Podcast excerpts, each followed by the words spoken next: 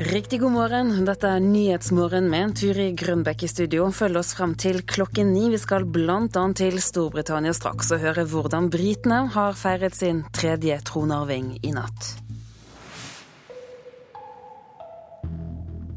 Aller først, Norge må slutte å selge militært utstyr til De forente arabiske emirater fordi landet bryter menneskerettighetene. Det mener Rødt, og de viser til Marte Dalelv som ble fengslet i Dubai etter å ha anmeldt voldtekt. Rødt-leder Bjørnar Moxnes mener Norge må endre kurs. Vi bør slutte å sette næringsinteressene høyere enn menneskerettighetene. Vi bør i stedet si at nok er nok. Han viser til at styresmaktene har gjort det lettere å stramme inn på hva land Norge eksporterer militært utstyr til, til dømes dersom landene bryter menneskerettene. Norske Marte Dalelv politimeldte ei voldtekt i Dubai, men fikk sjøl fengselsstraff før hun ble benåda. Moxnes mener dette viser at Norge må slutte å eksportere militært utstyr til Emiratene. Altså, den nylige Dalelv-saken viser jo eh, at eh, Emiratene har en rettspraksis praksis eh, der man kan dømme eh, ofrene eh, til fengselsstraff, altså ofre for voldtekt. Det er etter mitt syn et ganske kraftig brudd på kvinners menneskerettigheter. Men Eide mener saka har flere sider. Saken illustrerer jo to ting. Både at en dommer i laveste rettsinstans har gitt en veldig konservativ, tradisjonell tolkning av eh, sharia, men også at den dommen ikke er fullbyrdet fordi at emiren har grepet inn og skjønt at det satte eh, Emiratene i et dårlig lys. I fjor solgte vi militært utstyr til Emiratene for 200 millioner kroner, ifølge tall fra SSB. I 2012 så eksporterte vi en del såkalt B-materiell. Det betyr altså ikke våpen, ikke ammunisjon, eh, men materiell som kan brukes både sivilt og militært. Eh, men et eksempel på den type varer kan være kikkerter f.eks. Jeg kan ikke se at denne saken endrer de vurderingene som er gjort i noen retning, verken den ene eller andre retten. Reportere her var Eirin Årdal og Marit Gjelland. Midtøsten-korrespondent Sigurd Falkenberg Mikkelsen med oss fra Dubai. Denne saken, Hva slags omdømmeproblem har saken skapt for Emiratene? Nei, det er klart Dette har skapt et stort omdømmeproblem, først og fremst da for Dubai. Og de bruker jo store summer på å markedsføre seg. Dette er en by som er bygget opp så å si fra ingenting på 25 år, og liker å, å bli sett på for glamour og shopping, tennisturneringer og kamelturer i ørkenen. Mens den internasjonale oppmerksomheten rundt denne saken har jo vært enorm og framstiller et helt annet eh, bilde av eh, byen, eh, som jeg tror gjør at mange f.eks. Oi sann, en litt skurrete linje til Dubai. Sigurd Folkemeng Mikkelsen, hører du oss? Tydeligvis ikke. Vi skal si takk for denne gang. Kanskje vi får kontakt igjen siden. Sigurd Falkenberg Mikkelsen, altså forsøksvis med oss fra Dubai. Kanskje er det heller slik at vi kan rette søkelyset mot Storbritannia. Der var det nemlig kongelig fødsel i går.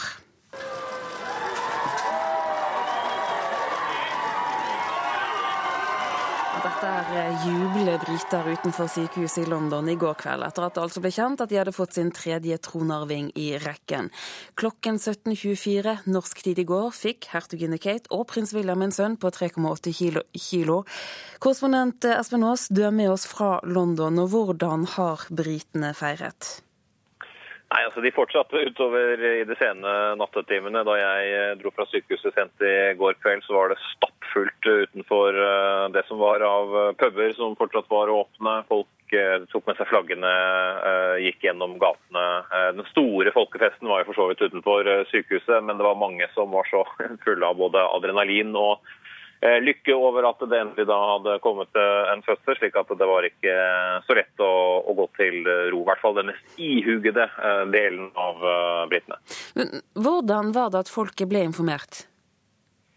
Altså, det er jo eh, tradisjonelt sånn at det kommer da eh, et bud og, og roper dette. Eh, og det er da 'it's a boy', det er en gutt, eller 'it's a girl', det er en jente, som er oppe. Og det bare spredde seg da eh, gjennom eh, mengden på de tusener som sto utenfor eh, sykehuset, fra et sendebud som da kom ut, ropte det og dro av gårde til Buckingham Palace med da den spesielle kongelige noten eller plaketten som ble spikret opp utenfor for eh, Buckingham Palace, som da slår fast at nå har britene fått eh, en en ny tronarving, tredje i den nåværende rekken.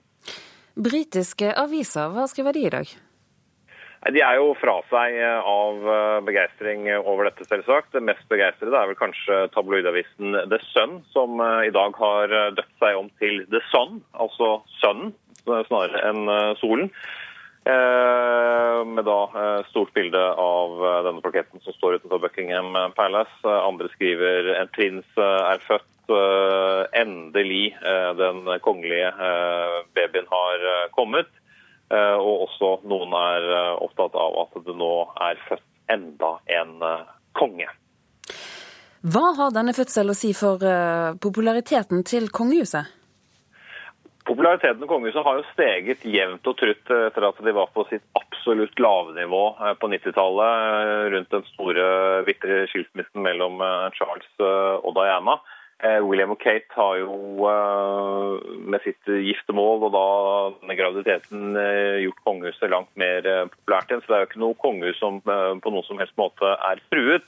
Det som kan bli spennende å se, er jo om de holder ord og sier at de skal gi denne sønnen en så normal oppvekst eh, som mulig. Jeg er usikker hva prins William selv vet om hva normal er, men det handler om å reise på vanlige ferier, gå på vanlige skoler uh, osv. Espen Aas, vår korrespondent i London, takk skal du ha. Vi skal tilbake til vår Midtøsten-korrespondent Sigurd Falkenberg Mikkelsen. Vi i Dubai. I sted rakk du så vidt å si litt om internasjonale reaksjoner på denne saken om Marte Dalelv. Men saken for, hva betyr den for Dubai? Ja, det er klart at Dette er en eh, viktig sak også internt eh, her i Dubai. Eh, det var et sett av spesielle omstendigheter som gjorde at dette løste seg så raskt for Marte. En kombinasjon tror jeg, av internasjonal oppmerksomhet og, og mye diplomatisk trykk. Men samtidig så er det viktig å huske på at hun er eh, benådet. Eh, hun har ikke oppnådd den rettferdigheten gjennom rettssystemet som hun opprinnelig ønsket. og I denne benådningen så er også alle de tiltalte i saken benådet, inkludert mannen som hun anklager for eh, voldtekt. og det ligger jo et grunnleggende problem her. altså Uansett hva man måtte mene om denne enkeltsaken, eller hva som er fakta i saken, så er det i praksis nesten umulig å anmelde en voldtekt her.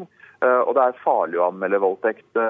Fordi Blir ikke uh, anklagen tatt til følge, så er det da altså offeret som ender opp i fengsel fordi det er ulovlig å ha sex utenfor ekteskap. Og Tall jeg har sett fra politiet i Dubai, er at bare 9,5% av offer for seksuelt, seksuelle overgrep anmelder forbrytelsen. Sånn at De aller fleste er jo da stille. For det er nesten umulig å, å bevise voldtekt her. Du trenger altså fire uavhengige mannlige vitner. Er det noen grunn til å tro at denne saken kan skape presedens for andre saker? Eh, det tror jeg ikke. Eh, I hvert fall ikke på eh, kort sikt. Det er som sagt Marte var igjen, når alt kom til alt, en ganske privilegert posisjon som norsk i denne situasjonen. Og det er jo, men det er jo et juridisk system her som, som da eventuelt må endres. og Vi vet jo uansett at juridiske systemer endres sakte. Eh, men eh, for Dubai så må de da bruke denne saken for å gjøre noe. Jeg tviler på at det blir noen endringer eh, på, på rask basis, hvis det i det hele tatt blir noen, blir noen endringer. Veldig kort til slutt. Vet vi noe om når Marte Dalelv kommer hjem? Hun drar i dag til statsadvokatene for å få et utreisevisum. og Så snart hun har det, så kommer hun til å dra hjem. Sigurd Falkenberg Mikkelsen, takk skal du ha. Hjem igjen nå, for LO og NHO, altså næringslivets hovedorganisasjon, reagerer på at de ikke får være med å utvikle fremtidens skole. Kunnskapsdepartementet har satt ned et eget utvalg som skal vurdere om dagens elever får den kunnskapen de trenger for å komme ut i fremtidens arbeidsmarked. Men verken arbeidsgiverne eller arbeidstakerne er invitert i utvalget som skal undersøke dette. Det er viktig at de som skal ta imot elevene, de som skal, skal, gi oss arbeid. Det er jo klart at de må ha noe å si. Eh, det er de som vet hva vi trenger. Kanskje det er de som kan motivere elever som f.eks. faller fra eller eh, vurderer å droppe ut fordi de ikke finner noe motivasjon i det de driver med. Sier leder i Elevorganisasjonen Liv Holm Heide.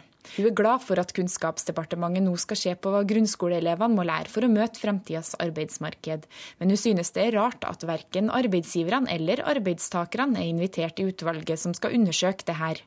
Og det er det flere som synes. Vi bør kunne være med her og ha en hånd på rattet. Sier nestleder i LO, Tor Arne Solbakken. Poenget med utvalget er jo å se på hvordan eh, skole og arbeidsliv eh, passer sammen.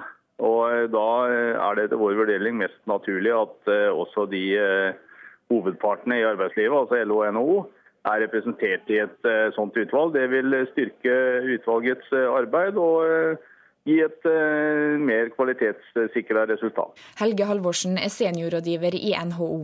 Han mener elevene taper på at NHO og LO ikke får utforme fremtidas læreplaner. Det med å få til et bedre samsvar mellom det vi utdanner til og det vi trenger eh, i norsk arbeidsliv, det har vi vært en pådriver for å få til. Eh, så, bare av den grunn så syns vi det ville være naturlig at eh, regjeringa henvendte seg til partene for å få eh, representasjon også derfra. Det er fortsatt bare ti medlemmer i dette utvalget. Det ville ikke vært noe problem å utvide det med et par plasser til. I Kunnskapsdepartementet er de ikke enig.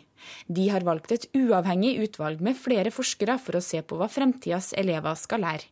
Men NHO og LO vil bli invitert til å si sin mening, forsikrer statssekretær Elisabeth Dale. Alle kan bidra med mange ting, eh, men NHO og LO og Utdanningsforbundet og foreldreorganisasjonen, Elevorganisasjonen har hver sin kompetanse. Eh, som det er viktig å lytte til. Og det er viktig for oss å få deres stemme og nyttiggjøre oss deres kompetanse inn i dette utvalgsarbeidet. Eh, og så vil vi òg eh, ha en, en god dialog med aktørene utenom for å bli enige om og snakke sammen om hvordan dette kan gjøres på en god måte, sånn at alle blir fornøyd. LO og NHOs roller i norsk arbeidsliv er så sentrale at det er rett og slett en liten glipp at vi ikke er med i det utvalget. Og jeg vil be Kristin Halvorsen å eh, tenke seg om en gang til. Det sa nestleder i LO, Tor Anne Solbakken. Reporter var Marit Gjelland. Med oss nå, Kjersti Kleven, du er styreleder i Norsk Industri, og du sitter i dette utvalget som eneste representant fra næringslivet. LO og NHO er altså misfornøyde med sammensetningen. Er næringslivet godt nok representert? Ja, jeg kan støtte både LO og NHO i at det har vært ønskelig med en større representasjon for næringslivet, også fra arbeidstakersida. Fordi vi da, som sagt her, eh, er jo brukeren av den kompetansen som utdanningssystemet produserer. Når det nå ikke er blitt slik, så eh, er jeg iallfall glad for at eh, det er industrien, største landsforeninga i NHO, som er i utvalget for industrien vi trenger god kompetanse på, i en veldig stor bredde, altså fra fagarbeider til doktorand, for å være konkurransedyktig inn i framtida. Og så håper jeg de kan kunne supplere da, med sammensetning kanskje av grupper, men også eller av referansegrupper for utvalget. Men det finnes jo forskning på dette. Hvorfor er det så viktig at norsk næringsliv skal være representert? Ja, jeg hører det blir, in, det blir, vist til internasjonal forskning, og det håper jeg virkelig at vi kan lære av internasjonale erfaringer. Men vi skal være opptatt og være, være klar over at det er en viktig del av norsk næringsliv sin internasjonale konkurranseevne at vi i Norge har en særprega arbeidskultur. Vi har lite byråkrati, vi, har, vi er gode til å samarbeide på tvers av fag og posisjoner i bedriftene. Og vi er ikke minst gode til å drive innovasjon på en lettbeint og lite byråkratisk måte. Og Dette er det viktig at også elever erfarer og opplever som naturlig gjennom utdanninga si. Så Det er ikke sikkert at all internasjonal forskning er direkte overførbar her. Bare så helt sikker, Hva er det du tenker at fremtidens elever må lære som de ikke lærer nok av i dag? Det, det, får vi sette oss litt mer inn i. Men det er jeg opptatt av at de har gode grunnkunnskaper og ferdigheter til å bli gode fagarbeidere, eller å kunne ha gode kvalifikasjoner til å gå videre til studier inn- og utland. Det er det faglige. Men vi trenger også elever som er nysgjerrige, som gjennom skolen er stimulerte til å ville lære mer. Og så For det tredje så trenger vi elever som er forberedt på å gå ut i et norsk arbeidsliv som jeg sa er prega av, av stort ansvar for eget arbeid samarbeid og gjensidig respekt eh, for andre sin kompetanse for å, å løse felles problemstillinger. Så jeg, jeg syns det, det, som skjer i klasserommet og det som står på fagplanen er like viktig. Og Det håper jeg utvalget skal se på. Dette utvalget, hva har du forhåpning om at de får til veldig kort til slutt?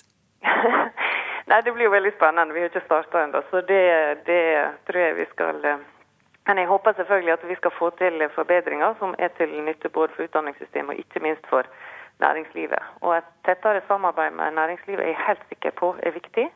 Og at vi kan få finne metoder som gjør at det blir et naturlig verktøy som skolen også ser på som, et, som en ressurs.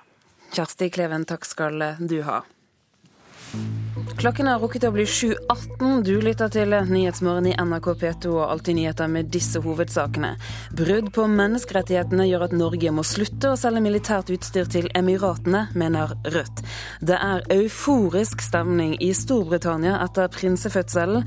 Og bli med oss videre i sendingen, for alle de skandinaviske landene er klar for semifinale i fotball-EM. Det blir nesten 7000 færre fasttelefonkunder hver måned. Telenor taper hundrevis av millioner kroner i året på å drifte fasttelefonnettet. Og for de som både har fasttelefon og mobiltelefon, så er det dyrt.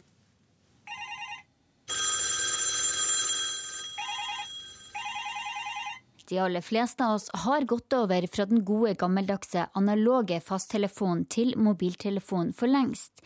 De fleste som fortsatt beholder fasttelefon, har mobiltelefoner i tillegg. Økonomisk rådgiver i Pengedoktoren Agnes Bergo sier det ikke er det beste for pengeboka. Nei, det sier seg vel egentlig sjøl at jo flere abonnement du har, jo flere telefoner du har, jo dyrere er det. Så hvis du tenker økonomi, så skal du konsentrere deg om én telefon. Eh, og da er det kanskje eh, mest økonomisk å konsentrere seg om mobiltelefonen. Og for Telenor, som har bygd ut telefonnettet og må drifte og reparere det, er det heller ikke spesielt god butikk. Hver måned er det nesten 7000 fasttelefonkunder som forlater dem, forteller informasjonssjef i Telenor Norge, Knut Solid. Ja, Kostnadene er jo det samme enten det er mange eller få kunder på det. Fordi at eh, de kundene som er på nettet, de skal kunne gjøre seg nytte av hele nettet. Eh, kostnadene er flerfoldige millioner i året. Og vi har slik eh, den, den nedadstigende kurven med hensyn på antall kunder på fastnettet, så, så har vi også en økende grad av utgifter og, og si, tap på, på å drifte dette systemet.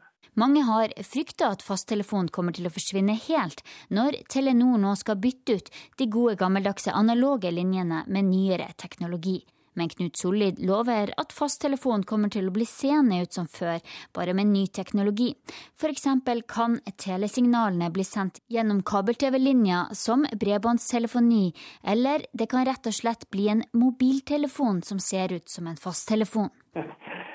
Ja, i og for seg så kan du vel si at, at det blir det. Det er som sagt da en, en hjemmetelefon som er tilknytta mobilnettet der du bor. Fasttelefon føles tryggere for mange, og Agnes Bergo i Pengedoktoren påpeker at det er praktiske fordeler for de som vil beholde den. Ikke økonomiske, men det er praktiske grunner. Altså En fasttelefon går aldri tom for batteri.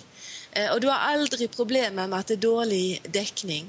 Og du har vanligvis ikke problemer med at du ikke hører den, fordi mange har fasttelefon i flere rom, så du hører når det ringer uansett hvor du er i boligen. Reporter her Linda Reinholdsen. Og Telenor la for øvrig frem resultatet for andre kvartal i dag. Fra april til juni tjente selskapet 25,7 milliarder kroner og hadde et overskudd etter skatt på 3,2 milliarder kroner. I Brasil har tusenvis av mennesker vært ute i gatene for å hilse pave Frans velkommen. Dette er den aller første utenlandsreisen han gjør som pave. Sikkerheten hans er en stor utfordring etter flere uker med gatedemonstrasjoner i Brasil. Pave Frans vil fremstille seg som en ydmyk mann, også når han besøker verdens mest folkerike katolske land. Men da den lille grå Fiaten han valgte som fremkomstmiddel inn til byen i Rio de Janeiro, svingte feil i et gatekryss, ble det kaos. Tusenvis av ivrige katolikker flokket seg rundt bilen. Men pave Frans benyttet muligheten til å strekke ut hånden av vinduet for å hilse massene. Aldri før har nok en argentiner blitt så godt mottatt i Brasil.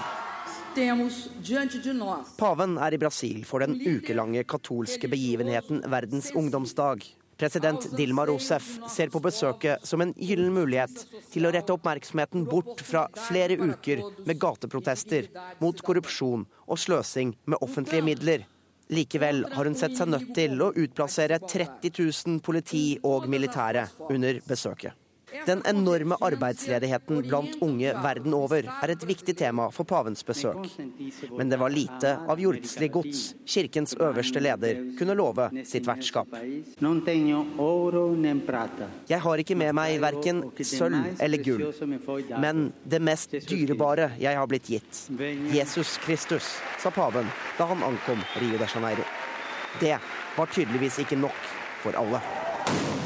Det som startet som fredelige demonstrasjoner i går kveld, utartet raskt til gatekamper mellom politi og demonstranter. De er sinte for at staten bruker 300 millioner kroner på å motta paven, mens fattigdommen fortsatt herjer i Brasil. Torsdag skal paven holde messe for én million unge katolikker på Copacabana-stranden. Myndighetene i Brasil krysser fingrene for at paven da ikke får se annet enn gledesscener. Reporter var Stig Arild Pettersen. Norge møter Danmark i semifinalen i fotball-EM, og de norske jentene har respekt for danskene. Norge får dansk motstand i semifinalen i Nordkjøping torsdag. Det ble klart etter at danskene meget overraskende slo ut Frankrike etter ekstraomganger og straffer. Ja, det er overkommelig. De er et godt lag, men eh, det er fullt mulig å slå. De, de er litt like eh, Frankrike faktisk i måten å spille på. De spiller mye på fot og har veldig mange gode individualister. Og så blir det jo kult å møte Katrine Pedersen, lagkameraten min. Det sa Ingvild Stensland. Selv om seieren mot Frankrike nok gir ekstra energi for danskene, så kostet 120 minutter også ganske mye. Karoline Graham Hansen er sugen på å revansjere tidligere tap mot Danmark. Altså, Det er bare en kjempebonus. Eh, ja, det Sannsynligheten for at vi nå når en finale er enda større, og vi må fortsatt bare gå ut på der og gjøre jobben vår. Det blir en steintøff kamp, det også. Man kan jo si at den blir lettere, men jeg tror den blir vel så tøff som dersom vi hadde møtt Frankrike. Kampen spilles torsdag, og du hører den på P1 og kan se den på NRK1. Reporter her, det var Patrick Steen Nordlands. Tiden er inne for å se nærmere på dagens aviser og hva de har på sine forsider. Høyreekstremister fra hele verden er blitt mer opptatt av norske forhold etter terrorangrepene i 2011. Vi ser til Norge etter 22.07, det skriver Klassekampen. Vårt Land skriver også om terrorangrepene, og at flere er redd for at markeringene i fremtiden blir preget av partipolitikk dersom dagen blir internasjonal.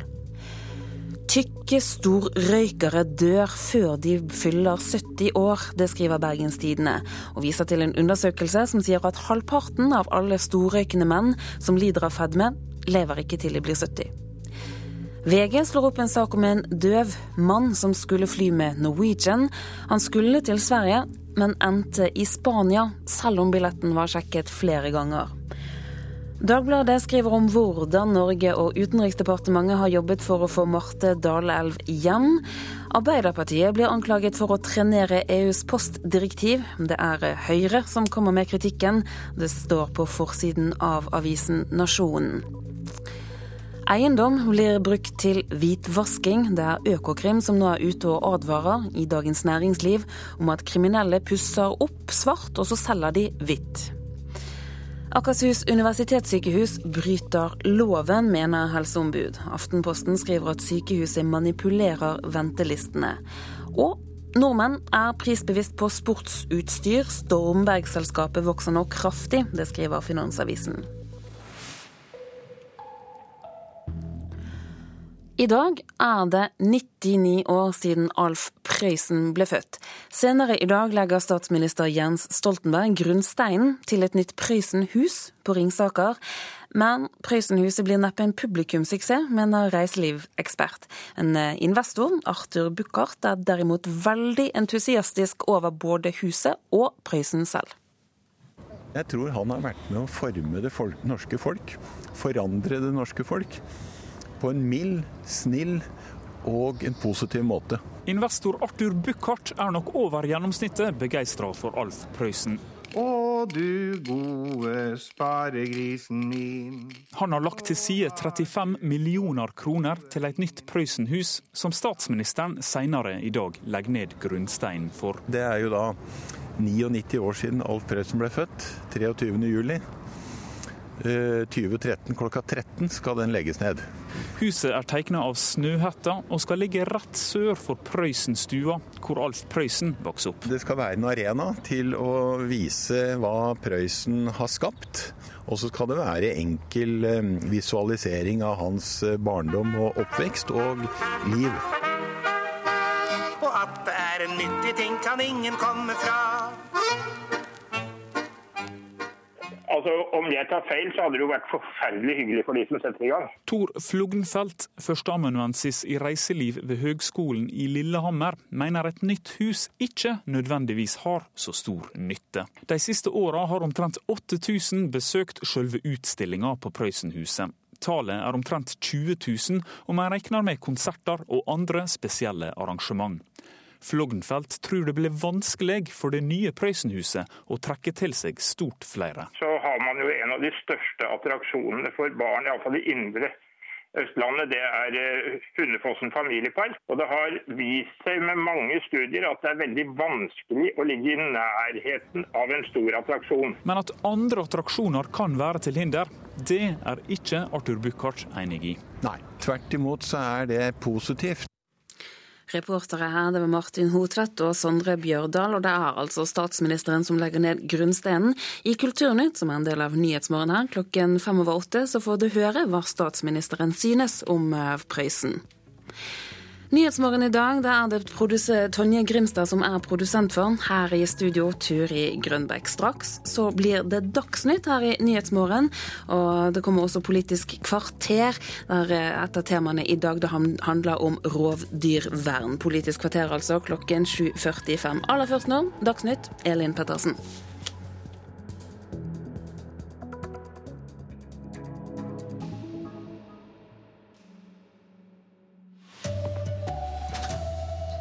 Krav om stopp i eksport av militært utstyr til Emiratene etter voldtektssaken i Dubai. Fasttelefonen taper terreng, men Telenor må likevel bruke store summer på å drifte nettet. Og britene er i lykkerus etter kongelig fødsel i går.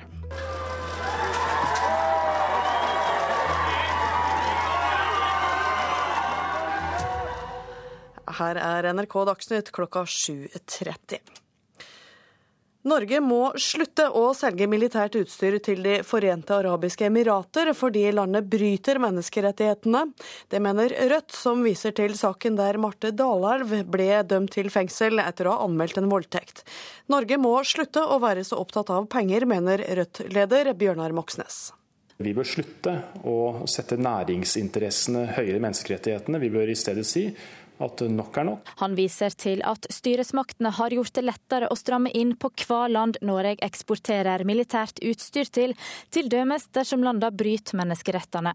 Norske Marte Dalelv politimeldte ei voldtekt i Dubai, men fikk sjøl fengselsstraff før hun ble benåda. Moxnes mener dette viser at Norge må slutte å eksportere militært utstyr til Emiratene. Altså, den nylige Dalelv-saken viser jo eh, at eh, Emiratene har en rettspraksis praksis eh, der man kan dømme eh, ofrene eh, til fengselsstraff, altså ofre for voldtekt. Det er etter mitt syn et ganske kraftig brudd på kvinners menneskerettigheter. Men Eide mener saka har flere sider. Saken illustrerer jo to ting. Både at en dommer i laveste rettsinstans har gitt en veldig konservativ, tradisjonell tolkning av eh, sharia, men også at den dommen ikke er fullbyrdet fordi at emiren har grepet inn og skjønt at det satte eh, Emiratene i et dårlig lys. I fjor solgte vi militært utstyr til Emiratene for 200 millioner kroner, ifølge tall fra SSB.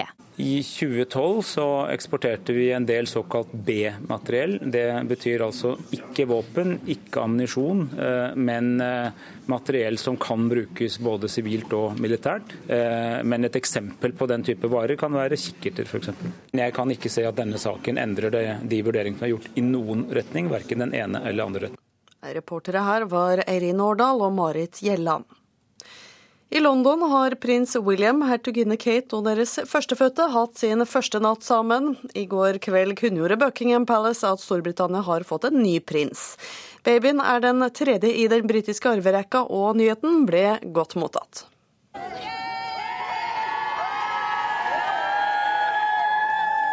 Jublende folkemengder presset seg mot porten til Buckingham Palace til langt på natt, mens de spratt champagne for å feire den nyfødte tronarvingen. Mange forsøkte å få et glimt av den offisielle kunngjøringen om at Storbritannia har fått en arveprins, som ble hengt opp på et gyllent staffeli foran dronning Elisabeths slott. Den korte kunngjøringen inneholdt teksten 'Vi kunne ikke vært lykkeligere', som den nybakte faren sendte ut da fødselen var vel overstått.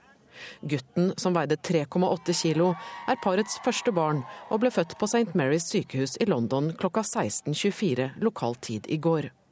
Gratulasjoner strømmet i løpet av kvelden og natta inn fra store deler av verden, også fra den norske kongefamilien her hjemme.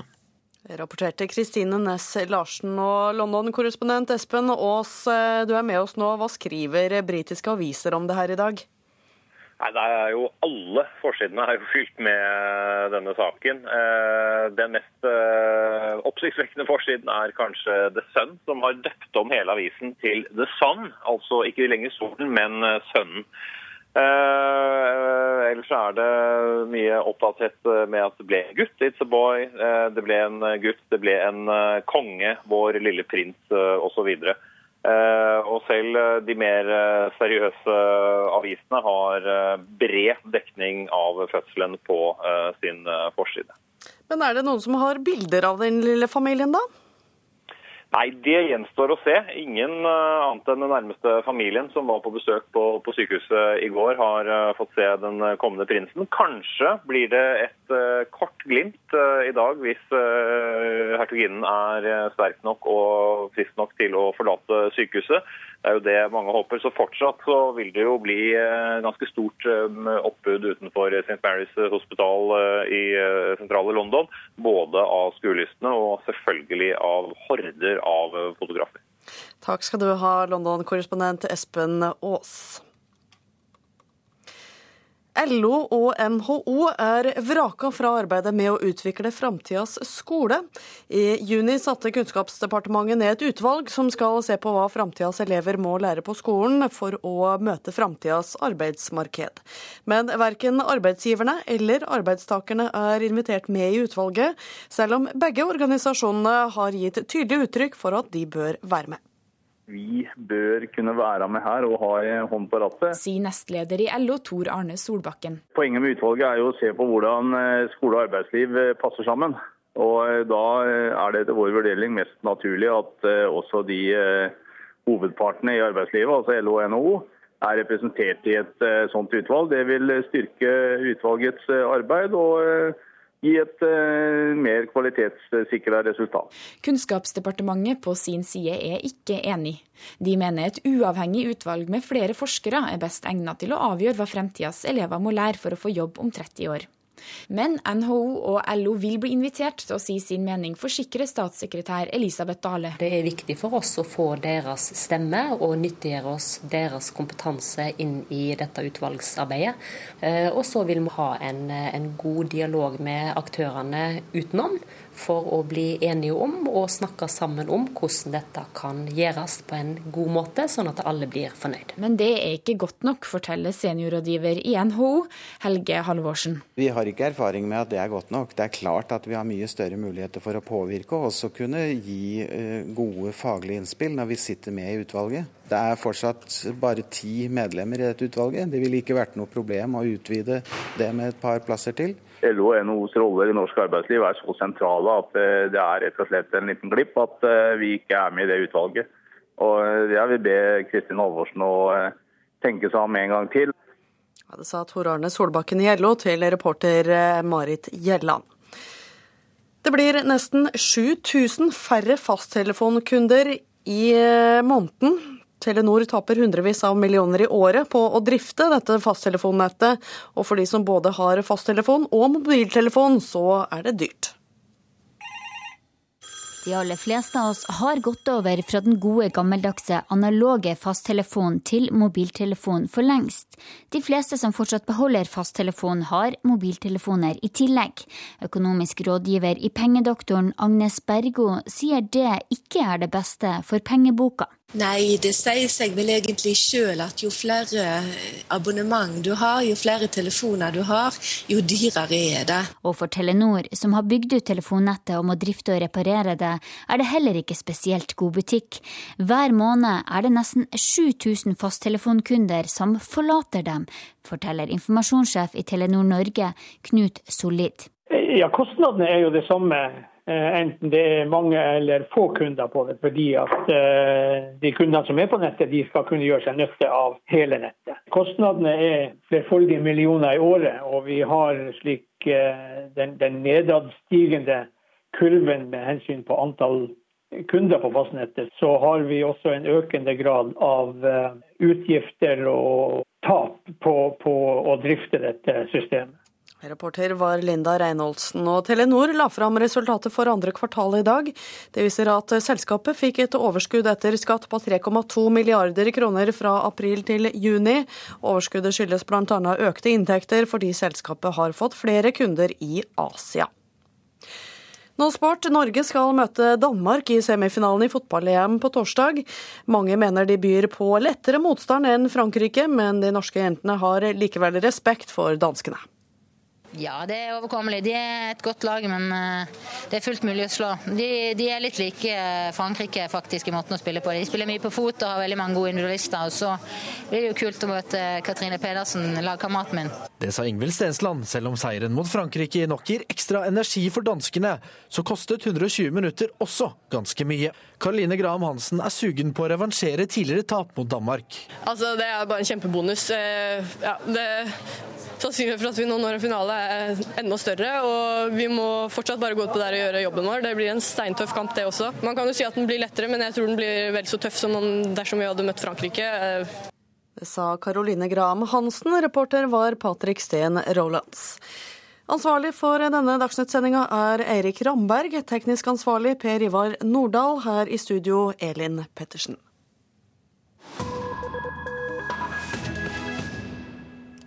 I Nyhetsmorgen nå skal vi til Mexico, der myndighetene forrige uke arresterte landets mest beryktede narkosjef. Historien om hvordan han og narkobanden Los Cetas røver til seg makt, finner vi noe overraskende i meksikanske ballader. Andan buscando un fantasma con ganas de no Han ble født i det golde Tamaulipas, der selv djevelen må kjempe mot oksen.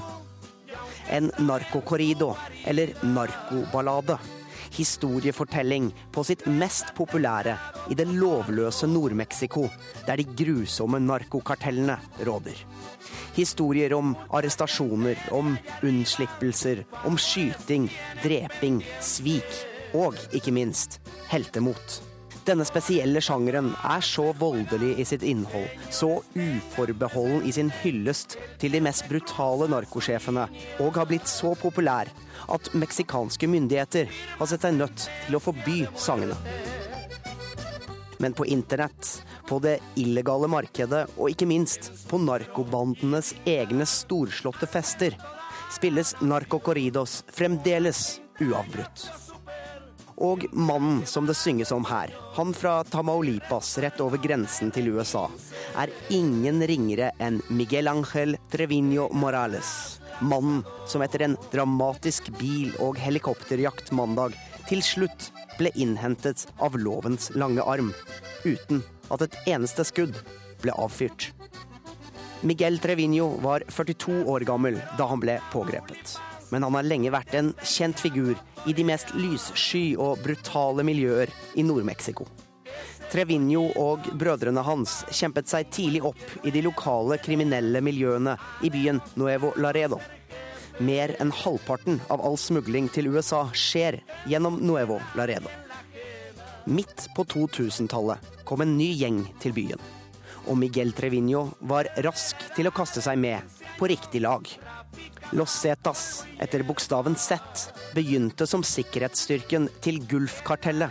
som styrte narkohandelen opp og ned nordøstkysten av Mexico.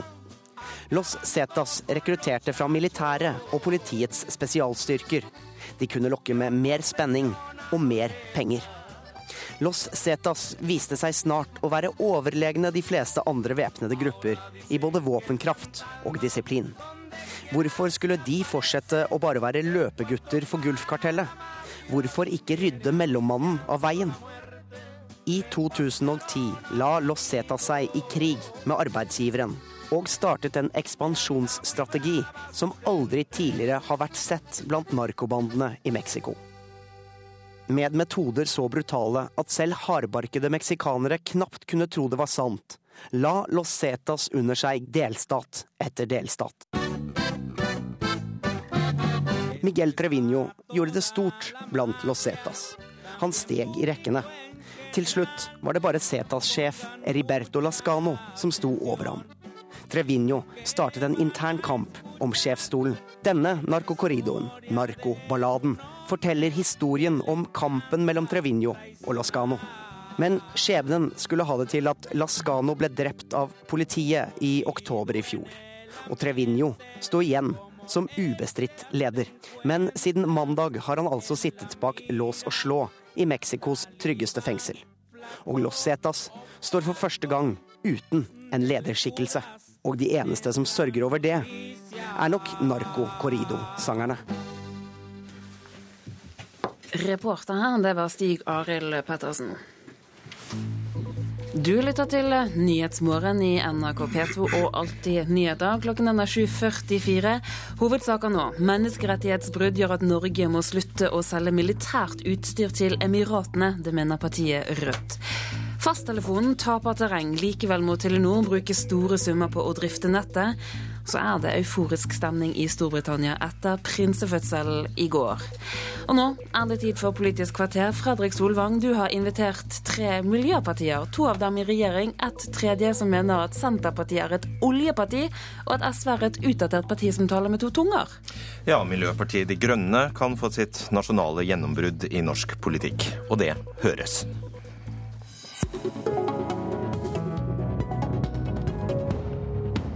Rasmus Hansson, du er førstekandidat for Miljøpartiet De Grønne i eh, Oslo. I Nasjonen i forrige uke reagerte du på at Senterpartiet, Bondelaget og rovviltnemnda i Oppland mente rovdyrvernet var for strengt. Hva reagerte du på?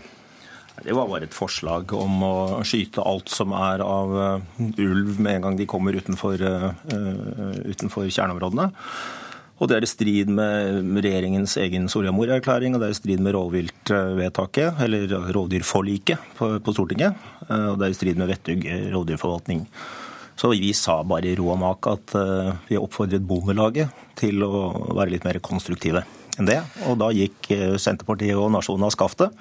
Men det er jo ikke første gang, så sånn er livet. Utsendt for Senterpartiet er deg, Anne Kismul, du er statssekretær i Olje- og energidepartementet. Ulven kan jo ikke lese kart? Den kan ikke det. Eh, men det er sånn nå at eh, denne sommeren har vi hatt større rovdyrproblemer enn noensinne i Norge. Så jeg skjønner veldig godt den frustrasjonen som næringa har vist. Og den situasjonen vi har nå, det betyr at vi går glipp av mye potensiell miljøvennlig matproduksjon i Norge. Det er store deler av landet som rett og slett ikke kan brukes til utmarksbeite fordi vi har for store rovdyrtap.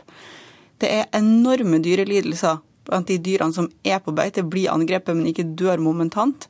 Det er et kjempestort problem og en veldig stor belastning for de mange tusen familiene som hver dag jobber for å produsere miljøvennlig norsk mat. Og det er ingen tvil om at det ikke er balanse i rovdyrpolitikken når vi opplever denne situasjonen. Det var to ting vi skulle få til med rovdyrforliket. Det var både å ha eh, levedyktige bestander av rovdyr, men òg at vi skulle bruke utmarksbeite i Norge. Og når vi ikke har fått til en balanse, så er det ingen tvil om at vi trenger mer Senterpartistyring i rovdyrpolitikken. Pål Vegard Solhjell, det er du som eh, styrer dette. Du er miljøvernminister. Hvem av disse har rett? Altså, Påstander av typen at det er verre enn noensinne nå i sommer, er i hvert fall helt uten rot i virkeligheten. Det er bare tull og tøys.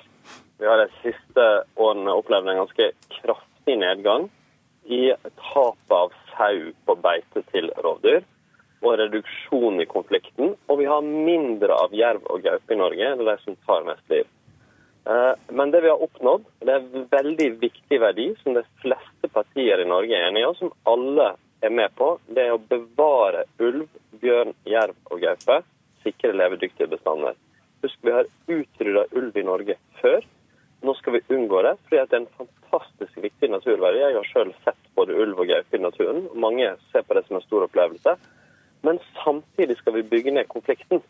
Og vi vil aldri kunne det, sånn det er ikke mulig å ha en perfekt løsning mellom eh, eh, rovdyr og det å drive med beitenæring som sau. Fordi rovdyr tar sau. Men vi kan redusere det, og det har den rød-grønne regjeringa med SV og Senterpartiet klart de siste årene. Og vi har òg klart å inngå et rovviltforlik med alle partiene, som iallfall hvert fall får det til bedre enn før. Ok. Anne Kismul, du ser denne ulvesaken som et slags symbol for den elitistiske og virkelighetsfjerne politikken du mener Miljøpartiet De Grønne står for. På hvilken måte? Altså, de Grønne har vært og var ytterliggående på denne saken, som på mange andre miljøsaker. og de tror, eller i hvert fall later som de tror, at det kommer til å bringe miljødebatten fremover. Jeg er redd for at det tvert imot, at det ikke fører miljødebatten frem. Jeg tror at en sånn polarisering av miljødebatten i Norge er et skritt tilbake, og at det rett og slett virker fordummende. Det er flere viktige ting som gjør at miljøpolitikken uh, til De grønne ikke har noe sammenheng med den virkeligheten vi andre er nødt til å forholde seg til. Det ene er at de setter nesten alle, altså hele økonomi som både drivkraft og forklaringspotensial og mulighet til å finne nye løsninger, så at de bare helt til sides. De har en miljøpolitikk som skjer på sida av den andre ordentlige politikken i Norge. Og det andre er at Altså, når vi står overfor så store miljøutfordringer som vi er i dag, med klimaendringer, matkrise, at liksom hundrevis av millioner mennesker mangler tilgang på energi, så kan vi ikke la være å ta i bruk naturen for å finne løsninger. Men der er ikke De grønne med. De rett og slett, de tåler ikke at vi skal bruke natur, selv om de har store ambisjoner om hvor mye som skal løses på en fornybar og naturlig måte. Rasmus Hansen, du ønsker jo en verden uten økonomisk vekst, og der produktivitetsvekst eh, tas ut i lengre ferier i stedet for forbruk. Du, det må vel kunne sies å være rimelig virkelighetsfjernt? Nå hører vi kanskje hvem som er mest virkelighetsfjern her, når vi hører hva uh, Senterpartiets Ane Kismul får ut av at vi påpeker at uh, Senterpartiet opptrer i strid med rovviltforliket. Uh, det Miljøpartiet De Grønne går inn for, det er en norsk politikk som begynner å ta klimaendringene og ressursproblemene på alvor. De problemene som nesten alle partier er helt enige om at er reelle. Nemlig det faktum at vi står overfor et klimaproblem som vi må gjøre noe med, og som skyldes for stort bruk av fossilt brensel. Og det faktum at jordas levende ressurser overforbrukes. Og Vi er jo kjent med at regjeringen gjør en stor innsats f.eks. for å begrense ødeleggelsen av regnskog. Vi er kjent med at Norge arbeider internasjonalt for å begrense de massive overfiskeriene som er over hele verden. Dette er det meget bred faglig enighet om og Miljøpartiet De Grønne går inn for å gjøre eh, en mer aktiv innsats for å løse disse problemene. Og Det er altså det Senterpartiet syns er veldig dumt. Bård Vegar Solhjell, eh, får ikke du dårlig samvittighet når du hører Hansson her? Det er jo dette du som sosialist eh, en gang mente, men kanskje ikke tør stå for lenger. Jeg har veldig lyst til å si til de to i studio nå at det siste Norge trenger, det er flere små miljøpartier som krangler seg imellom. Det vi trenger, det er miljøpartier som samarbeider om en enda bedre miljøpolitikk. Slå dere sammen, da. De, jeg, jeg, jeg, jeg, har lest begge de to partiene sitt program. Miljøpartiet De Grønne det, deres miljøkapittel i programmet eller miljødelen, er som en kopi av SV sitt. Det er bare ubetydelige forskjeller i miljøpolitikken mellom SV og Miljøpartiet De Grønne. Så er det noen vesentlige forskjeller mellom oss og Senterpartiet. F.eks. rovdyrpolitikk har vi veldig ulikt syn på. Når det gjelder klima, så er det som står i programmet til Senterpartiet ikke så ulikt det som står i SV sitt. Så jeg skulle jo mye heller ønske at vi nå kunne få en bredere allianse der mange partier utfordrer de partiene som en trussel mot en god miljøpolitikk. Og Da er en Høyre-Fremskrittsparti-regjering i Norge det største trusselen. Da tror jeg det største utfordringa til Miljøpartiet De Grønne er jo ikke miljøpolitikken, men alt det andre. At de ikke vil ta stilling mellom en Erna Siv-regjering altså en sterkt høyreorientert regjering og en rød-grønn regjering som ja, inngår kompromisser, men som får til til som rovdyrvern og regnskog og å bevare luft. Bård Vegar, Vi har jo klart å finne gode praktiske løsninger på klimapolitikken gjennom den klimameldinga regjeringa allerede har presentert, mens De grønne de påstår at de vil ta klimaendringene på alvor, men det er få ting de har mer detaljert program på enn hvordan man skal gjøre det dyrere, vanskeligere og mindre attraktivt å bygge ut fornybar men, energi i Norge. Det er de imot. Stopp en hal. Det er ikke Miljøpartiet De Grønnes problemer for norsk klimapolitikk, alvorlig talt. Det er riktig at den rød-grønne regjeringen har lagt fram en god klimamelding, fått til et bredt klimaforlik gjort masse ting som å begrense oljeboring, satse på kollektivtrafikk, regnskog osv. Men nå må vi samarbeide om å overtale de partiene som ikke ja. vil ta konsekvenser. Rasmus Hansson, stemmer det det Solhjell sier, at eh, ditt partiprogram nærmest er en blåkopi av SVs? Eh, nei, det stemmer ikke, men det stemmer at vi er, eh, har veldig mange av de samme målene. Den store forskjellen mellom SV og Miljøpartiet De Grønne er at vi vil gjøre mer for å nå de måla som SV også er ute etter. Og så er det ganske viktig det Bård Vegar Solhjell påpeker, eller etterlyser, om samarbeid med miljøpartiene. Og Miljøpartiet De Grønne har invitert til det samarbeidet. Vi har invitert til et samarbeid som går utover den blokkinndelinga som ødelegger norsk politikk i dag, og som gjør at man må velge på høyre side eller venstre side før man velger miljø hvis man vil stemme på SV, Venstre eller Kristelig Folkeparti. Mens Miljøpartiet De Grønne utfordrer miljøpartiene til å gå sammen til å danne en brei blokk som vil få en 15-20% av stemmene. Da kan vi utfordre Høyre og Arbeiderpartiet til en mye bedre miljøpolitikk enn disse partiene klarer hver for seg når det henger i skjørtekanten på men, den men ene eller andre blokken. Men det vi trenger nå, det er ikke flere miljøpartier og enda med gode miljøintensjoner. Vi trenger miljøpolitikk som virker. Og den miljøpolitikken som De Grønne presenterer i sitt program, den kan bare komme i et overflodssamfunn der vi er så rike, der vi nesten ikke trenger å forholde oss til hvor pengene kommer fra, men vi ikke trenger å forholde oss til liksom, hvordan naturen virker, hvor vi får mat og energi fra. Og det mener jeg er veldig tydelig i De grønne sin politikk. De ønsker miljø, men de vil ingenting av miljøtiltakene. Og de ser ikke hvordan næringspolitikken og miljøpolitikken er nødt til å henge sammen hvis vi skal få resultater. Vi kan ikke verne oss bort fra klimaendringer, vi kan ikke verne oss til mat- og energiproduksjon. Jeg tror, jeg tror ikke statssekretæren i uh, Olje- og energidepartementet og høyrehånden til Norges mest elleville oljepådriver uh, har så fryktelig stor troverdighet når han beskylder meg og Miljøpartiet De Grønne for ikke å skjønne hvordan naturen virker. Vi ønsker å avvikle den oljevirksomheten som gjør Norge til en stor pådriver for global oppvarming, og gjøre Norge til et bærekraftig samfunn. Og det vil vi gjøre nå. De andre partiene vil gjerne gjøre det, men de vil gjøre det en annen gang. Solhjell, er, er, et, Solhjell, er det et alternativ, mener du, at De Grønne bare melder seg inn i SV? Ja, altså Vi trenger alle gode krefter, eh, og gjerne som medlem av SV. gjerne uh, utenfor det. Det er mindre viktig for meg. Hvis vi skal gjennomføre en god miljøpolitikk, så vet alle at SV er miljøpartiet i Norge. Og at vi har fått til imponerende ting som å begrense oljeutvinninga i Norge, hindre oljeboring utenfor Lofoten. Takk skal du ha, Anne Kismul, Ler Hånli. Takk skal dere ha.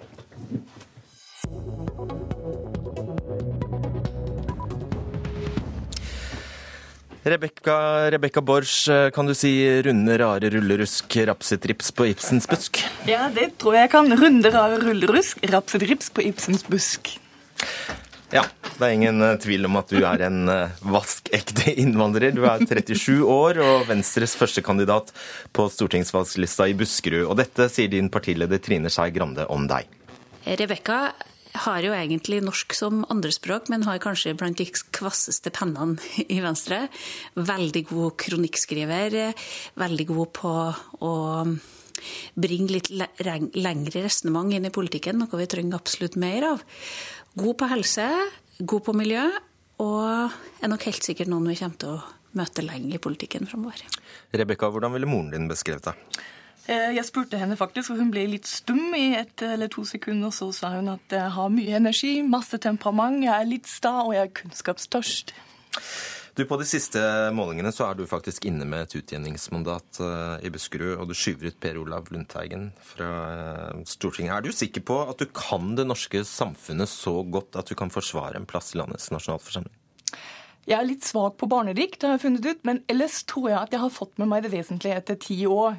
Eh, jeg er et nysgjerrig menneske. Jeg har alltid vært politisk engasjert, og nå har jeg liksom brukt eh, mine verktøy som journalist for med å jobbe med politikk. Og så er det ikke jeg som rett og slett har meldt meg på som førstekandidat. Det er jo tross alt Venstres medlem i Buskerud som har valgt meg til det, og som ønsket meg på førsteplass. Og hvis de har tro på meg, så tror jeg også at jeg kan gjøre en god jobb for dem.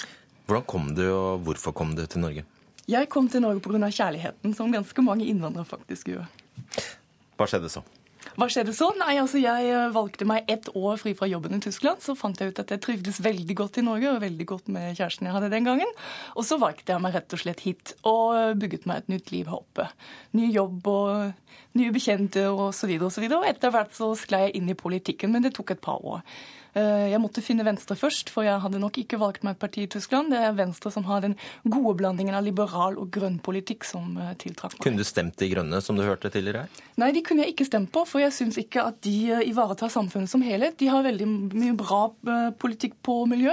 Veldig mange av de tiltakene jeg kjenner igjen fra Venstres program bl.a. Men de er ikke liberale. altså De ser liksom ikke på enkeltmennesker som like viktig som Venstre gjør. Og de har ikke den helhetlige politikken som trengs for å kunne styre et land. Du jobber i det nye Miljødirektoratet, som det nå heter. Er det da gitt hva det er du brenner aller mest for i politikken? Det er nok en av de kjernesakene mine, det må jeg innrømme. Det var nok miljøpolitikken som, som brakte meg inn i, i Venstre. Um, og jeg mener jo at det er et av de viktigste feltene vi må jobbe med framover. Men da ikke med en sånn negativ vinkling som vi har hatt for mye av når det gjelder klimapolitikk. Jeg mener at vi må sette klimapolitikk og næringspolitikk i sammenheng i mye større grad enn hva det gjøres i dag. Og da tenker jeg på en storstilt utbygging av grønn energi. Fornybar energi er kanskje den bransjen der Norge kan skape flest grønne arbeidsplasser fremover. Eh, skape arbeidsplasser i distriktene, ikke minst. Utnytte de ressursene vi har i form av skog, havvind, vann. Det er nesten ubegrenset hva vi kan produsere og lage. Vi må bare bestemme oss for å bygge det ut. Du, Hva forundrer deg mest med Norge? Samferdselspolitikken syns jeg er veldig morsom. I den forstand at jeg, jeg, er blant de mange som ikke forstår seg helt på hvorfor vi har bygget så dårlig på så lang tid. Eh, den skiller seg jo veldig ut fra samferdselspolitikken som føres i nesten alle de andre landene vi liker å sammenligne oss med. Eh, så her har jeg også lyst til å gjøre en innsats hvis jeg blir valgt inn. Vi må, vi må endre på finansieringen av samferdsel, og vi må bygge ut mye mer strukturert og de store prosjektene om gangen. Kan ikke du kort fortelle hvordan du greide å lære deg så plettfritt norsk? Jeg er nok et, en språknerd, det må jeg innrømme. Altså, Jeg er utdannet journalist og liker å jobbe med ord. Eh, da jeg kom til Norge, så fikk jeg et par uker sånn, uh, kurs for voksne innvandrere. Uh, det funka ikke så veldig lenge, for det var veldig blandet kurs. Både analfabeter og sånne som meg. Så til slutt så abonnerte jeg på Aftenposten og studerte de sidene hver dag. Skrev ut alle ord jeg ikke kjente. Det var veldig bra opplæring. Er du monarkist? Nei, det er jeg ikke. Vil du sende en gratulasjon i dag til Storbritannia? Ja, det kan jeg gjerne gjøre. Det er jo veldig hyggelig. Takk skal du ha, Rebekka Borch. Med det er dagens Politiske kvarter over. Jeg heter Fredrik Solvang.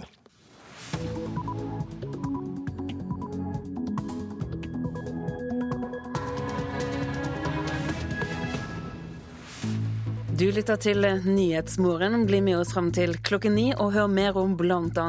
disse sakene. Ti ganger så mange dør av feilmedisinering som i trafikkulykker. Det er stor skepsis mellom palestinere og israelere før fredsforhandlinger i USA. I Storbritannia er det derimot full jubel etter den kongelige fødsel i går, og vi skal gjette på hva den nye prinsen skal hete.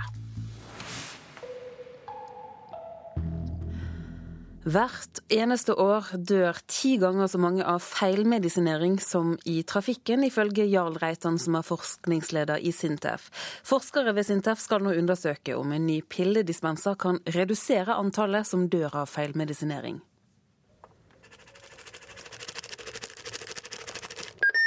Det er lyden av medisindispenseren på størrelse med en kaffemaskin, som skriver ut riktig dose og gir lyd når pleietrengende skal ta pillene. Om ikke pasienten tar medisinen, blir pårørende eller pleiere varsla på SMS. Heidi Hembre er fagleder i hjemmetjenesten i Trondheim, og en av pleierne som skal være med å teste denne maskinen. Den gir en lyd på et tidspunkt som vi har lagt inn alarm på. Eh, og da tar den enkelte og trykker OK på boksen, og så kommer medisinen ut. Dispenseren er en del av et forskningsprosjekt i Bjugn, Bærum og Trondheim som Sintef har satt i gang. Det vi har sett på, er at, eh, at det gjøres veldig mye feilmedisinering. Eh, eh, hvis vi ser på tallene fra utenlandske studier, så kan vi anslå at nærmere 2000 mennesker dør hvert eneste år pga. feilmedisinering. Og Sammenlignet med antall dødsfall på veiene, så vil jeg si at det her er tidobla tall da, i forhold til dødsfall på andre veier. Så det, det er store skremmetall som vi står overfor. da. Det sier Jarl Reitan, som er forskningsleder på prosjektet. Ifølge han gjøres det mye på sykehjem og sykehus for å sikre at pasienter får riktig dose medisin. Men Men hjemmet er en, kanskje en glemt arena, eh, og veldig mange overlater seg sjøl med å med å finne egne tiltak for å gjøre medisinering på en riktig måte. Da. Hembre kjenner også til dette problemet. Eh, jeg har ikke noe eksempel der jeg har eh, opplevd det, men det er jo eksempler der det har, eh, at det kunne ha skjedd om det har at medisinene blir tatt altså alt, alt for ei uke blir tatt på en dag f.eks., og det er sterke medisiner på blodfortynnet, så kan det, så kan det fort gå galt. Dispenseren skal også forhindre at narkotiske piller ligger tilgjengelig hos eldre. Forskninga er ennå i startfasen og kan ikke vise til resultater. Men at denne type teknologi skal inn i hjemmetjenesten, er Reitan overbevist om. Jeg tror at vi, det vil være behov for noen kalle innovasjon eller hjelpemidler da, i hjemmet. Man kan ikke bare forvente at, at man skal bare gi eh, medisinene til, til brukeren hjemme og du skal klare deg selv, men du, du trenger noen kalde støtteverktøy da, trenger du hjemme. Så, så, og Bruk av en sånn elektronisk kalle dispenser, det er kanskje noe av det som vi, vi vil se i fremtida. At eh, flere vil få. Eh, vi må koble den til i strømmen, og så skal vi legge ned i medisinene etterpå. Og, og koble den sånn at den er lagt inn på tidspunkt. Rette tidspunkt. Rett medisin til rett tid. Ja, vi hørte til slutt Heidi Hemre og reporteren, det var Arne Fønstad. På Universitetssykehuset Nord-Norge i Tromsø må de få hjelp fra svensker for å få sommervikarkabalen til å gå opp. Norsk Sykepleierforbund er bekymret for at Norge ikke klarer å fylle behovet selv. Bare fra det største vikarbyrået som Universitetssykehuset bruker, har de i sommer over 60 personer som kommer fra Sverige. Så en, to, tre, fire, fem, seks, syv, åtte. Avdelingsleder Joakim Sjøbæk teller antall svenske vikarer på medisinsk intensiv. Fra 2008 til nå har omtrent 9000 svenske sykepleiere fått norsk autorisasjon, slik at de kan jobbe i Norge. Uten dem så har det gått i dass.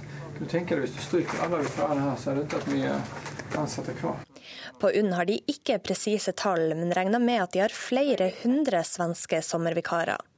Årsaken er for få norske sykepleiere. Det er jo kjempemangel på, eh, på sykepleiere, og spesielt på denne avdelingen så har vi intensivsykepleier intensivsykepleiere i utgangspunkt som skal være her. Men vi mangler den typen av spesialutdannelse på folk, så, så det er jo en kjempekrise. Man trenger ikke oversette etter pustemaskin.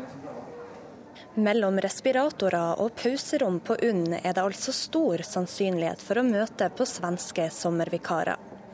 Bare på avdelinga medisinsk intensiv er over halvparten svensker. Mikael Rudolf fra Göteborg er en som kommer over grensa for å jobbe om sommeren. Ja, det er naturligvis eh, framfor alt for at jeg vil tjene ekstra penger, men det er forskjell på lønnsnivå. Man tjener, eh, man tjener mer i grunnlønn i Norge, eh, omtrent 40% mer. Så det er både det at man tjener mer og at man betaler lavere skatt, som gjør at det blir finansielt lønnende. Avdelingslederen på medisinsk intensiv sier at det er en utfordring å få tak i nok sommervikarer hvert år, og at uten svenskene hadde det ikke gått. Det er i hvert fall ikke blitt mindre behov. Jeg tror, jeg tror det er mer vikarer. Men problemet er også at det er ikke alle ganger man får tak i altså, Innimellom så er det veldig vanskelig å få tak i, i vikarer. Så hvis vi ikke hadde hatt vikarer her, eh, spesielt på sommeren, hvis vi ikke hadde hatt vikarer, så måtte vi jo stenge en sånn avdeling, tror jeg rett og slett. Fylkesleder for Troms i Norsk Sykepleierforbund, Hanne Marit Bergland, forteller at Troms har stor mangel på norske sykepleiere. Hun er glad for at svenskene kan hjelpe til, men er fortvila over situasjonen. Det, det hever over enhver tvil. Vi har for lite sykepleiere i Norge, det har vi. Men samtidig så må arbeidsgiver gjøre seg lekker i forhold til å rekruttere sykepleiere til sitt arbeidssted. Bergland tror Norge er for dårlig på rekruttering, og forteller at mange utdannede sykepleiere slutter til fordel for andre yrker. Hun skulle helst sett at situasjonen var annerledes enn den er i dag. Min drømmesituasjon ville jo være at vi hadde nok personell inklusiv sykepleiere og spesialsykepleiere, tilknytta et så stort sykehus som UNN, sånn at man var selvforsynt i forhold til å ha nødvendig kompetanse på plass også gjennom hele sommeren. Men sommervikar Mikael Rudolf er glad for at han får jobbe i Tromsø. Sen så velger jeg å komme til Nord-Norge for det er så vakker natur. Det skiljer seg mye fra Göteborg, så det kjennes like eksotisk å komme til Nord-Norge som å komme til Thailand. Reporter her, det var Elise Holdal.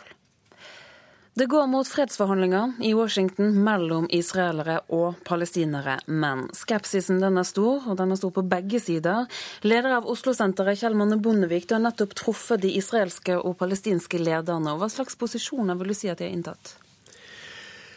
Jeg er litt mer optimistisk nå enn jeg har vært tidligere, fordi eh, både USA og Den arabiske liga står bak eh, planene for nye forhandlinger. Og disse to viktige maktene er jo avgjørende for henholdsvis Israel og, og palestinerne. Eh, hovedposisjonen for palestinerne er egen stat, og de er opptatt av grensespørsmål og flyktningspørsmålet spesielt. Palestinernes rett til å vende tilbake. Mens Israel, som alltid er opptatt av ordninger som garanterer deres sikkerhet. Så Dette blir nok det som blir kjørt fram, det var mitt klart inntrykk fra disse to. Men så har det en del andre sensitive spørsmål, som bosettinga og ikke minst Jerusalem. Alt dette må på bordet, som eh, forhandlingsleder Sippi Livni i Israel sa til meg. Altså er det slik at eh, Netanyahu kanskje har vært kjent som en litt sånn hard negl, men hva kan ha skjedd her? Ja, det er jo ofte interessant at det er de som eh, oppfattes som hauker, som er de mest restriktive, som også kan være de som er sterke nok til å inngå en avtale og være sikre på å få den gjennom. Netanyahu var jo tidligere mot en tostatsløsning. Etter at han ble statsminister, så ble han for. Eh, det har også skjedd med et par andre tidligere israelske statsministre, som Eod Olmert og Ariel Sharon. Eh, han har fått realiteten innover seg, og tror han har innsett at Jødefolkets framtid i denne regionen er avhengig av at de får en ordning med palestinerne. Eller så kan jo rett og slett etter hvert bli palestinsk-arabisk flertall i, i, det landet som, som, de skal sitte og administrere. Eh, så jeg tror han innsetter disse realitetene, og at sikkerheten for Israel er avhengig av uh, fred med palestinerne. Nå har han flere motstandere av en tostatsløsning i sin egen regjering. Men han er sterk nok, tror jeg, til å få sitt eget parti på plass, Likud. Og gjør han det, og signerer en avtale, så vet han at han har eh, andre partier til venstre for seg i det israelske politiske spekter som vil støtte det. Så han er mannen, tror jeg, som kan få det til. Disse som skal sitte og forhandle, hva slags forhold har de til hverandre? De to eh, sjefsforhandlerne, Sipi Livni, statsråd på den israelske side, tidligere utenriksminister, nå justisminister, og Saeb Erakat på den palestinske side, en gammel traver helt fra Arafats tid. De to ga overfor meg i, sine, i møtene uttrykk for gjensidig tillit til hverandre. Og eh, hadde tro på at de kunne finne ut av dette. Nå er det de to som skal lede delegasjonen, etter hva jeg forstår, i Washington, som forhåpentligvis møtes denne uka. Um, Abbas, presidenten hos palestinerne, og Netanyahu, statsministeren hos Israel, har ikke hatt så mye direkte kontakt. De har møttes noen ganger. Der er det kanskje mer et sånt uh, formelt forretningsmessig forhold. Uh, Spenninga er jo om Abbas står sterkt nok blant palestinerne til å inngå en avtale. For der er det jo en, som kjent en splittelse mellom Hamas, som styrer Gazastripen, og Fatah, som styrer Vestbredden. Og han har hatt to statsministeravganger nå uh, på kort tid. Uh, men, uh, så det er synes jeg, den store spenninga. Kjell Magne Bondevik, leder av Oslo-senteret, takk for at du var med oss her i Nyhetsmorgen. Klokken den har rukket å bli 8.44. Hovedsaker denne morgenen er at det er flere som dør av feilmedisinering enn i trafikken. Som vi hører eh, nå, det er stor skepsis på begge sider i fredsforhandlingene mellom Israel og Palestina. Likevel grunn til å være optimistisk, som vi hører Kjell Magne Bondevik si. Og bli med oss videre i sendingen, for Miljøpartiet De Grønne blir beskyldt for å fordumme miljødebatten i Norge. Tidligere i dag morges har vi hørt om jubel og toppstemning i Storbritannia etter at hertuginne Kate og prins William fikk sin førstefødte. Gårsdagens prinsefødsel er viktig for det britiske monarkiet. Det sier statsminister Jens Stoltenberg. Denne type fødsel er alltid viktig, eh, fordi det gir eh, monarkiet eh, en bekreftelse på seg selv. Det får stor oppmerksomhet. Og det er selvfølgelig viktig når man har et arvelig kongedømme, at det fødes arveprinser, at arverekkefølgen fortsetter. Og nå er det født en ny i arverekkefølgen. Og det er viktig for hele den statsskikken som man har i Storbritannia. Hva tror du barnet kommer til å hete?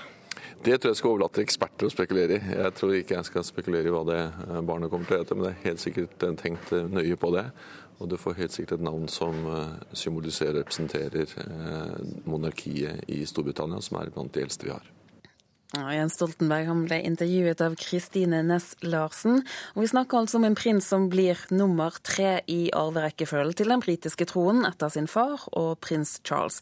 Med oss nå førstelektor ved Universitetet i Agder, Jan Erik Mustad. Hva slags betydning vil du si at denne fødselen har for Storbritannia? Litt det som Stoltenberg er inne på. I et monarki så er en sånn hendelse selvfølgelig helt avgjørende for at arverekken skal fortsette. Men rent kulturelt og identitetsmessig så har det jo også en stor betydning for det britiske folket. Fordi at det er veldig stor oppslutning rundt monarkiet i Storbritannia. Og, og dette er en hendelse i, i, likhet med ekteskapet som de inngikk for to år siden, da dronninga feira 60 år på tronen eh, i fjor. Så, så, er dette en hendelse som, som gir en slags vitamininnsprøytning for det britiske folket. Både i forhold til identitet, men også politisk i forhold til den britiske unionen.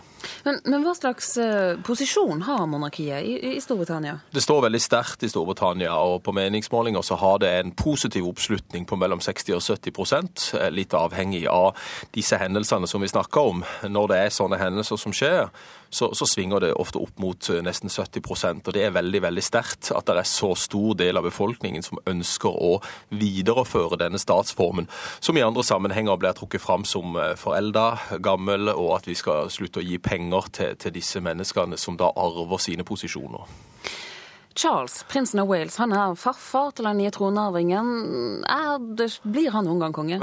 ja, det har vært spekulert mye i Charles' fremtid, og han er den lengst sittende Prince of Wales, altså den som er nummer én i av rekkefølgen i Storbritannia i britisk og engelsk historie. Så han har vært Prince of Wales kan vi si, kanskje stakkar i alle disse årene, fordi hans mor da har vært på tronen siden 1952. Og hun har jo da, ser det ut til, ikke tenkt å abdisere med det første, og heller ikke tenkt å avgå med døden ved det første.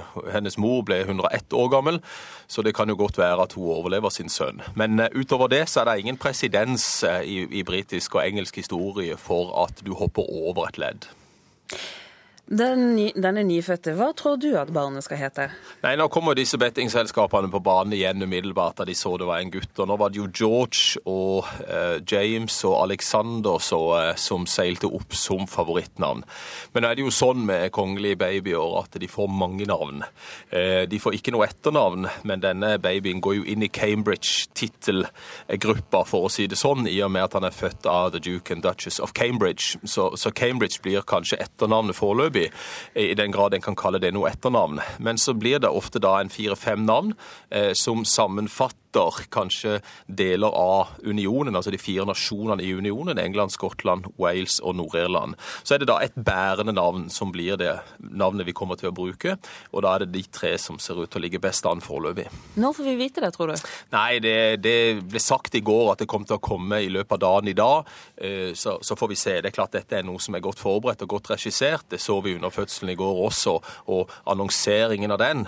I dag blir det markeringer både fra Tower of London, i Hyde Park blir det salutter, og Westminster Abbey kommer til å ringe i to timer fra klokka 14. Så det kan jo være at, at vi får denne annonseringen også i løpet av dagen. Jan Erik Mustad, takk skal du ha. Skal, det skal handle om Norge igjen, og det skal handle om at Miljøpartiet De Grønne blir beskyldt for å fordumme miljødebatten. Det er det Senterpartiet som mener. De betegner De Grønne som et elitistisk og virkelighetsfjernt parti. SV mener De Grønnes partiprogram nærmest er en blåkopi av deres eget. Det vi trenger nå, det er ikke flere miljøpartier og NM i gode miljøintensjoner. Vi trenger miljøpolitikk som virker.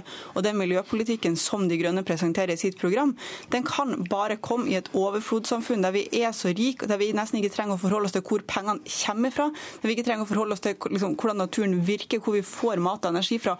Og det mener jeg er veldig tydelig i De grønne sin politikk. De ønsker miljø, men de vil ingenting av miljøtiltakene. Og de ser ikke hvordan næringspolitikken og miljøpolitikken er nødt til å henge sammen hvis vi skal få resultater. Jeg tror ikke statssekretæren i uh, Olje- og energidepartementet og høyrehånden til Norges mest elleville oljepådriver uh, har så fryktelig stor troverdighet når han beskylder meg og Miljøpartiet De Grønne for ikke å skjønne hvordan naturen virker. Vi ønsker å avvikle den oljevirksomheten som gjør Norge til en stor pådriver for global oppvarming, og gjøre Norge til et bærekraftig samfunn. Og det vil vi gjøre nå. De andre partiene vil gjerne gjøre det, men de vil gjøre det en annen gang. De er tre selverklærte miljøpartier alle bitte små. Rykende uenige om når og hvordan klimaproblemet skal løses. De Grønnes førstekandidat til Stortinget i Oslo, Rasmus Hansson, beskyldte i Politisk kvarter i morges Senterpartiet for å være et oljeparti, først og fremst. Senterpartiets statssekretær i Olje- og energidepartementet, Ane Kismul, svarte at De Grønne tror vi kan verne oss til en bedre verden. Det siste Norge trenger, det er flere små miljøpartier som krangler seg imellom. Det sier miljøvernminister Bård Vegar Solhjell. De Grønne tar velgere fra SV, og han later til å mene at De Grønne nærmest kunne meldt seg inn i SV. Jeg, jeg, jeg, jeg har lest begge de to partiene sitt program. Miljøpartiet De Grønne det, deres miljøkapittel i programmet eller miljødelen, er som en kopi av SV sitt. Det er bare ubetydelige forskjeller i miljøpolitikken mellom SV og Miljøpartiet De Grønne. Reporter her var Fredrik Solvang. Telenor taper hundrevis av millioner kroner i året på å drive fasttelefonnettet. Hver måned blir, nemlig, blir det nemlig 7000 færre fasttelefonkunder i måneden, og totalt så har 800 000 nordmenn fortsatt telefon. Likevel så må Telenor drive full dekning. Det er et enormt tapsprosjekt, sier informasjonssjef Knut Solid. Ja, Kostnadene er jo det samme enten det er mange eller få kunder på det, fordi at eh, de kundene som er på nettet, de skal kunne gjøre seg nytte av hele nettet. Kostnadene er flerfoldige millioner i året, og vi har slik eh, den, den nedadstigende kurven med hensyn på antall kunder på fastnettet, så, så har vi også en økende grad av utgifter og tap på, på å drifte dette systemet. Og i dag la Telenor frem resultatet for andre kvartal. Selskapet hadde inntekter på 25,7 milliarder kroner og et overskudd etter skatt på 3,25 milliarder kroner. Andre kvartalsrapporten legges frem på Fornebu om bare noen minutter. Der er du, reporter Halvard Norum, og var dette resultatet i tråd med det analytikerne hadde forventet? Ja, eh, det må kunne si at eh, det var det. Eh, de tjente faktisk litt mer enn det analytikerne i snitt hadde forventet. og var litt svakere på resultatet etter skatt enn det analytikerne hadde forventet. Men alt i alt så var det ingen eh, store overraskelser. og, og Sammenlignet med eller samme kvartal i fjor, så har selskapet eh, bedret lønnsomheten. og Det vil nok mange sette pris på. Så de har altså bedret lønnsomheten på tross av at de da taper på fasttelefonen i Norge. Men Telenor har som mål å bli stadig større. Klarer de det? De melder i hvert fall at de har fått fem millioner nye kunder i løpet av eh, andre eh, kvartal. så Sånn sett så, eh, så må man jo si at de greier det. De har, vi får nye kunder både i Norge og Sverige, men særlig i Asia så greier selskapet å vokse. Og Dessuten så har de også fått godkjent et oppkjøp i Bulgaria av en svær teleoperatør der. Så Det betyr at de også da får flere kunder i det landet. Du er til stede der de skal starte presentasjonen sin om bare noen få minutter. Hva slags forventninger er det knyttet til dette? Jeg tror nok en del eh, analytikere håper på at selskapet skal si noe om planene i Myanmar, altså det som tidligere het Burma. For det er jo sett på som et kjempepotensielt eh, vekstmarked. Et land med over 60 millioner innbyggere, mindre enn 10% har mobiltelefon. Eh, og Telenor har som en av to operatører fått lov til, eller fått lisens i landet, og skal da bygge ut et svært telenett i løpet av fem år. Men det, vært, det, er ikke mange detaljer som er kjent om planene, så jeg tror nok at mange håper at Telenor skal eh, lette litt på sløret der. Men, men det å gå inn i Myanmar, det regnes vel ikke som risikofritt? Nei, Dette er jo et land i en overgangsfase som uh, politisk, så man vil nok si at det innebærer en stor sånn, politisk risiko å gå inn der. Landet mangler infrastruktur. Uh, det er ofte strømbrudd uh, fordi strømnettet er notorisk ustabilt. og man, Med altså, disse milliardtapene i India, som Telenor hadde friskt i minne, så tror jeg nok at det er en del som er også litt skeptiske til hva slags, hva slags eventyr man, man legger ut på der. Selv om jo Myanmar ikke er India sånn sett. Halvard Norum, takk skal du ha. Vi skal snakke fotball vi nå, for det er slik at Norge møter Danmark i semifinalen i fotball-EM. De norske jentene har respekt for danskene. Norge får dansk motstand i semifinalen i Nordkjøping torsdag. Det ble klart etter at danskene meget overraskende slo ut Frankrike etter ekstraomganger og straffer. Ja, det er overkommelig. De er et godt lag, men eh, det er fullt mulig å slå. De, de, er litt like eh, Frankrike faktisk i måten å spille på. De spiller mye på fot og har veldig mange gode individualister. Og så blir det jo kult å møte Katrine Pedersen, lagkameraten min. Det sa Ingvild Stensland. Selv om seieren mot Frankrike nok gir ekstra energi for danskene, så kostet 120 minutter også ganske mye. Karoline Graham Hansen er sugen på å revansjere tidligere tap mot Danmark. Altså, Det er bare en kjempebonus. Eh, ja, det Sannsynligheten for at vi nå når en finale enda større, og vi må fortsatt bare gå ut på der og gjøre jobben vår. Det blir en steintøff kamp, det også. Man kan jo si at den blir lettere, men jeg tror den blir vel så tøff som dersom vi hadde møtt Frankrike. Kampen spilles torsdag, og du hører den på P1 og kan se den på NRK1. Ja, det sa reporter i saken Patrick Steen Rowlands. Fedme og røyking er de to viktigste årsakene til at folk dør før de rekker å fylle 70 år. Det viser en studie som er utført for Folkehelseinstituttet, skriver Bergens Tidende. Undersøkelsen viser at en 40-åring som både er overvektig og røyker mye, har fem ganger større risiko for å dø før fylte 70 enn en normalvektig person som aldri har røykt. Tiden er inne for å kikke nærmere på været. Vi starter med fjellet i Sør-Norge. Det blir det for det meste pent vær.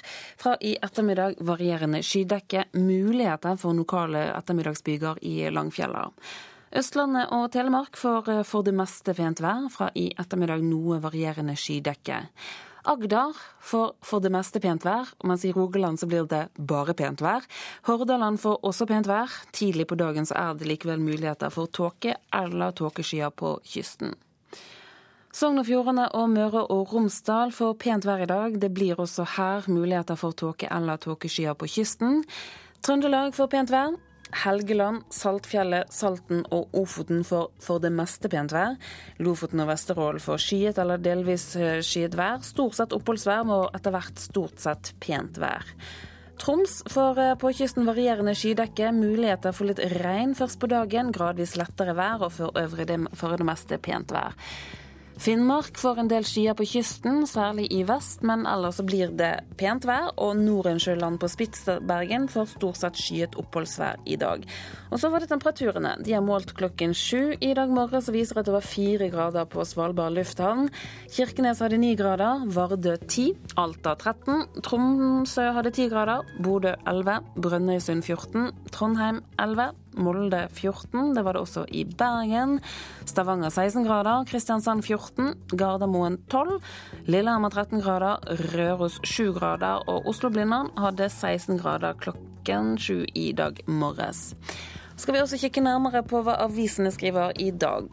Klassekampen skriver at høyreekstremister for hele verden har blitt mer opptatt av norske forhold etter terrorangrepene i 2011.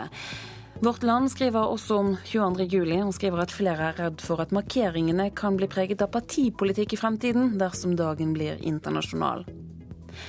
VG slår opp en sak om en døv mann som skulle fly med Norwegian og skulle til Sverige, men endte i Spania, selv om billetten var sjekket flere ganger.